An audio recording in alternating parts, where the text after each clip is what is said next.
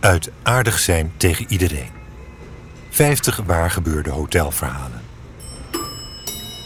Moeder en zoon. Nog nooit heb ik twee mensen zo hardgrondig zien zwijgen. Er leek geen einde aan te komen. Ze zaten tegenover elkaar aan een tafeltje bij het raam en leken meer op elkaar dan ze zelf misschien wilden. De kleine wipneus en forse kin had hij van zijn moeder. Dat was duidelijk.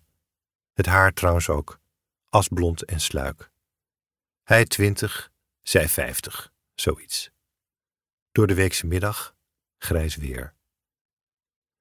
De zoon zat met rechte rug op zijn stoel en keek gespannen van zijn kopje koffie naar zijn moeder en weer terug. Iedere keer hoopte hij haar blik te vangen, maar de moeder deed er alles aan om hem te ontwijken. Ze keek naar buiten, naar de bar, het plafond.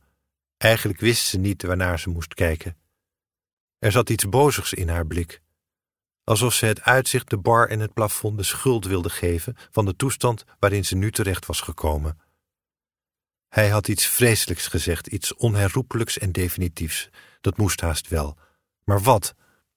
Ik durfde niet in de buurt te komen. En het leek me zeker ongepast om de stilte te doorbreken met de vraag of alles naar wens was.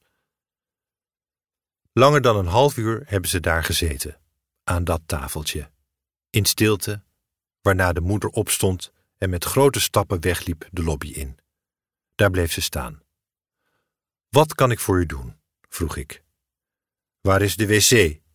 vroeg ze dwingend met een zwaar oostelijk accent. Meer niet. Ik wees naar de trap en legde uit hoe ze moest lopen. Toen ze terugkwam, vertrokken ze gelijk. Zij voorop, hij drie meter achter haar aan. Ze reageerde niet toen ik haar nog een prettige dag wenste. Naar hem knikte ik op mijn vriendelijkst en kreeg een opgelucht knikje terug. Op de schouder van zijn jas prijkte een gloednieuw regenboogstickertje. Neutrale grond. Komt allemaal goed.